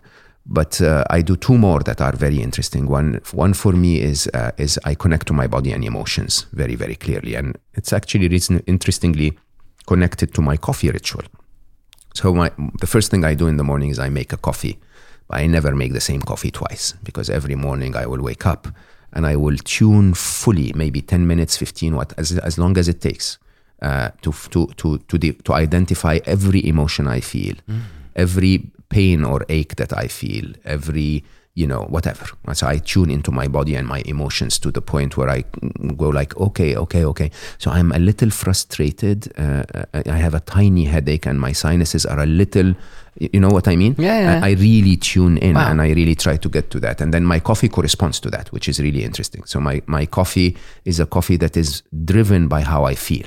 Okay. So if I'm a little less energetic today, it might be a double shot. If I'm in a very relaxed mode, it's a very it's a very creamy oat milk latte with a tiny bit of cinnamon on top, right? Almost like a medicine. Uh, yeah. Yeah, but, but yeah, and, and the ritual of making the coffee Yeah, to yeah. match the emotion is a very very uh, Nice. in in, in uh, you know uh, introspective. So so that's the number two, and then the, the ritual of sipping it very slowly in total silence. This entire ritual is not rushing for my coffee. It is probably uh, 35, 40 minutes every morning. When that is done, uh, I am between one of two things. Either I write because I, um, to me, writing has to start in, in the morning. Yeah, fresh. If I don't, Yeah. if I don't write before eleven that day, I will not write, which is really weird. Uh, so I normally start writing, uh, or I do something I call Meet Becky, which is one of my favorite exercises, uh, which is to become aware of my thoughts. It's a So form what's the name? Uh, how you call it? meet, Meet? meet, meet Becky. So I call my brain Becky. Okay, Becky, Yeah. okay. so if you remember from Solve for Yeah. Happy, I treat my brain as a third party and I call it Becky. Okay, and uh, and Meet Becky is an exercise that takes 25 minutes, where instead of trying to silence my brain like we do in meditation, I go the opposite way. I, I tell my brain to go ahead and express everything at once. Okay, and Becky's quite talkative. I'll tell you that much. So, so she, you know, so, so the, the the the meditation has two rules only. One is we don't cling to any thought. So every time my brain will say a thought, uh, I will acknowledge it and then ask what else. Uh, and the second rule is nothing can be repeated. So if you said something once, my brain, you can't say it again. Okay. And it's really quite interesting because th- there is a very clear pattern to that. Uh, I allow myself a paper and a pen to write the thoughts that matter. Uh, so I don't cling to them. But my brain will say something like, "Hey, remember to call Aya, my daughter, Yeah, today." I'll say, "Yeah, sure. I'll call Aya. What else?" Right? And that very in, specific pattern of acknowledging the thought and asking what else.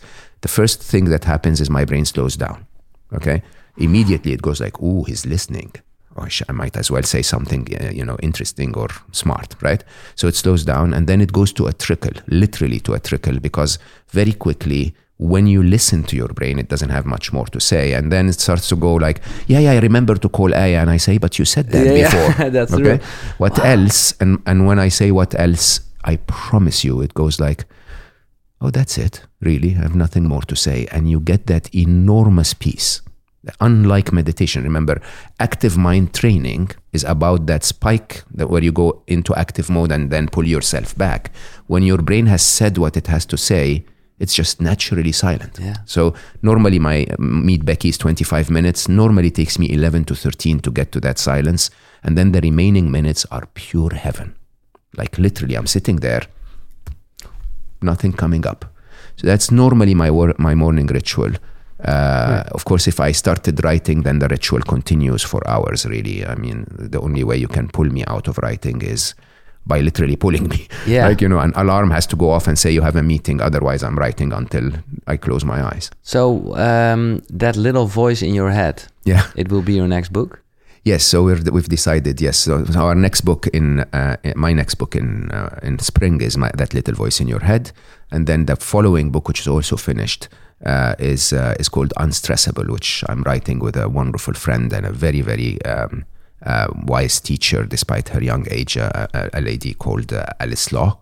And we're we're two ch- one and a half chapters away, uh, and our publishers read it already, and they're very happy with it. So Well, I hope we're going to talk about that book when it will be released. Mm-hmm. Uh, I ask you uh, to uh, mention three books that were, well, uh, really Impactful. important, yeah, impactfully in in your whole, yeah, in your whole life. That's it's a tough question. It's not for me. I think I think I know exactly which quest, which books completely flipped my life. One, of course, is uh, the work of Eckhart Tolle. Yeah, Uh, so a new earth specifically more than the power of now even though i think the the, the two of them together are Yeah. amazing exactly. Yeah. uh, and and and when was that in your life when you? Uh, it must have been 2006 to so Ah, okay. 2008 Yeah, yeah, okay. maybe. Uh, I think A New Earth completely solidified my view of life. Uh, you know, the idea of the separation between me and Becky and, uh, you know, all of you that. are not everything, yeah. The other uh, enormously impactful book on me was um, The Untethered Soul. Oh, Mi- Michael Singer. Yeah. Yeah. And again, if I am allowed to cheat, also the uh, the Surrender Experiment Yeah, was yeah, very both. powerful. Can, yeah, yeah. Uh, so Michael Singer's way of writing the Untethered Soul, I think, really, really spoke to my heart. Yeah. Uh, which I think um, was the first time my very highly engineered mind uh, arrived at the same stuff that I developed in my own engineering approach to happiness.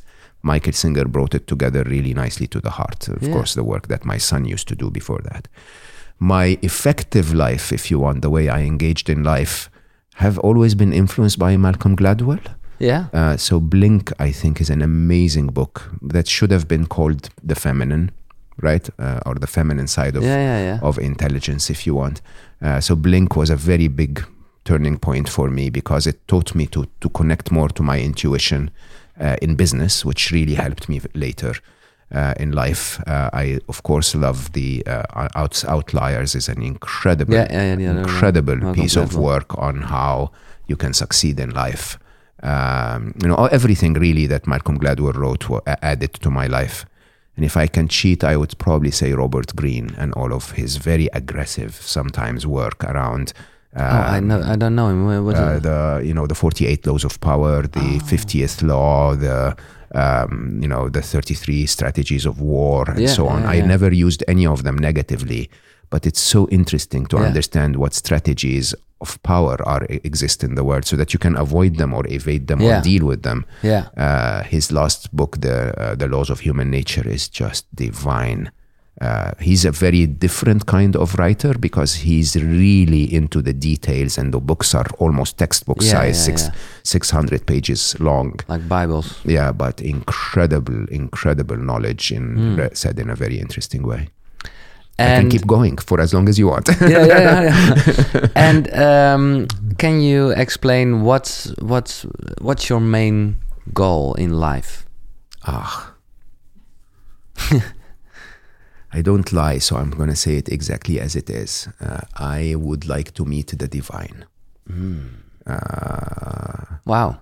I could have, uh, I could have said, uh, you know, to make a difference. My my only true goal since age 16 was to meet the divine, uh, and I believe again because of my work that Because 2016, uh, uh, to be clear, that was the year uh, your son Ali left planet. no, no, when oh. I, since uh, I was 16. oh, you were 16. Oh, Yeah, okay. so when I was 16, I, I was born a Muslim, a very Yeah. conformative religious society. Uh, and uh, and I basically was a bit, if you want, on the spectrum. I was highly mathematical, and uh, Mm-hmm.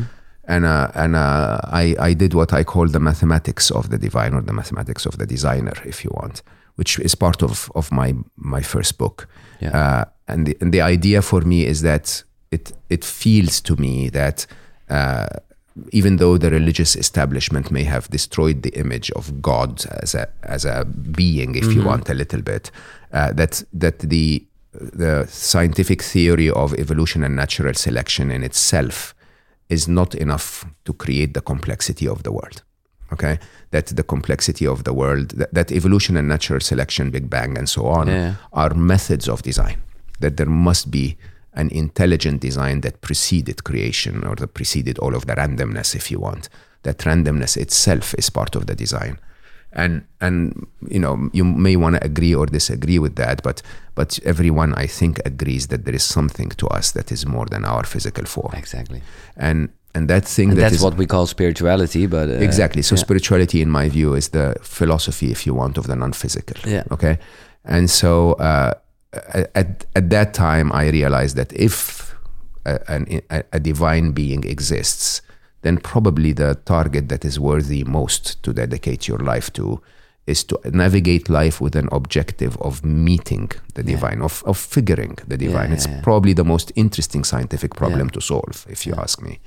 And so all of my work is really about that, if you ask me. Uh, you know, it's about the idea that if you if you really believe that our life in this physical form is a blip, and that our next life is what life really is Yeah. all about, uh, then perhaps dedicating this blip to benefiting in the next level of the game is a very good gamer's mentality. Okay, to collect the coins that Yeah. will that will allow you Yeah. to play the next game level better. Uh, is a is an interesting way, and I don't do it in the religious way. In terms of, I, I believe karma is real. We agreed on that, and I believe that a lot of good uh, is good for me. It makes my life so much happier now, but it's also a good investment uh, for the bigger picture, if you want. we talked about, but that's always the last question. We talked about that before, and uh, it's a really beautiful way of saying that uh, death is um, the, the the proper thing of, of, of birth and not uh, life. Life will still be there. Um, but what what? Yeah, are you scared? Of death? Yeah, Not at all. no. I'm scared. I, I'm, I'm, I'm not scared of anything really. I mean, I had one fear in life, which was to lose my one of my children, which was interestingly what happened. So you sort of manifest your fears, sadly. Uh, no, I think I think life is amazing. I think that if you really understand life at its core, nothing is good or bad No. thinking makes it so right remember uh, shakespeare Mhm. uh, and so if you if you actually can look at life including the difficult parts and tell yourself yeah it's just another level of the game it's just another interesting challenge to overcome uh, you know and you look back at your life and you realize that most of the tough parts of your life including ali's departure Yeah. Turned out to be quite okay actually Yeah. okay yes the pain is still there but there is so much other And the love is still there. and the love is still there. Yeah. and the reality is that I'm going to meet him sooner or later. Mm, When you when you when you realize that most of the toughest times of your life ended up being okay, you start to wonder why are you afraid of of more tough times? Yeah. You know, it's, Yeah, yeah, you know. And one and funny enough, I mean, I don't know, I maybe I'm the luckiest man alive, but when you don't give energy to the things that you fear, they don't come. No. And and maybe uh, maybe it's my brain defect, but also most of the time when I talk to people who are afraid, I remind them that most of their biggest fears never happened. They wasted so much of their life yeah. cycles obsessing about them and they never happen. And then when they happened, as evident by the fact that we're talking still, it means they were not that horrible. No. Right? You No, still yeah, made it, yeah. right? And so yeah, no, I, No. I, I, I, I, I fear for my loved ones. I hope, I wish. Let's put it in the positive way. I wish for their well-being. Okay, uh, but I understand once again that if they have challenges, it will be like my challenges, which means it's going to be difficult for a while and then better afterwards. yeah. And you said before, after that, life goes on. Yeah, life always goes on. Yeah. yeah. But never really uh, how do you think or how do you want uh, will be remembered? I don't want to be remembered at all. At all. But why you you are writing books? You are you are you giving us as human being a wake up call. So you you can't say that. I don't. Honestly, it's it's our mission. So one billion happy has a very clear mission. Yeah. We will we will have a million champions, champion a billion happy, and we will be completely forgotten. Yeah. Trust me, that's the right way to do it. If if I wanted to be remembered, it would be ego. I don't want to be remembered. Okay, but Okay, I want the karma of the Yeah. good work hmm, to okay, remain but let's put karma. it let's put it in another way. There will be a time, uh, well, uh, when when Mo Gawdat, the the the body, isn't there anymore, yeah, and and and and people will talk about you. they, hopefully they'll talk about my work. Okay, but okay, they will talk about your work. And what would you like them to say? What would you like them to? No, no, no, like them to say. What what would you like they are talking about? How they are talking I'd, about? I'd like them to know that happiness is their birthright. I'd like them to know that uh, that our our future is in our hands, and I'd like I'd like them to know that if you treat others as you want to be treated, the world will be a much simpler place. I'd like them to know that we've over hyper masculinized our world, and it's about time to, rem- to to reverse that and add more feminine to our life. It's the things I believe in, okay. But those things are not me. No, but they're they're they're universal truth. Yeah, okay? But it's it's an interesting i never actually answered a question like that. I mean it's it's i i don't know why we want to be remembered. I will have a i will have a very very different game then and i will be live of course. yeah But it's more like you will be remembered. You have no, you you can't make the decision. Uh, yeah th- the, the the bold guy that wanted everyone to be happy Exactly, that's what it is. Mo Gadot, Griezelig Slim is eh, de Nederlandse versie. eh, Scary Smart heet het in het Engels. En check ook vooral zijn eerste boek. Het is vaak genoemd, is met het smiley op de voorkant, weet je wel. A Solve for Happy, oftewel de logica van geluk. Thank you so much, eh, Mo, for your Thank you time. for having me that was a wonderful conversation thank, Thank you you. Eh, ik hoop dat je het leuk vond. Ik weet niet of ik het vaker ga doen in het Engels, maar ik vond het eh, zeker top. Eh, want nou ja, het heeft me heel veel informatie gegeven. Laat eventjes een bericht achter in de comments. Or maybe I should do this in English as well because of the English viewers, listeners, I don't know. But leave a comment then. En graag tot de volgende. Fijne dag. Hoi.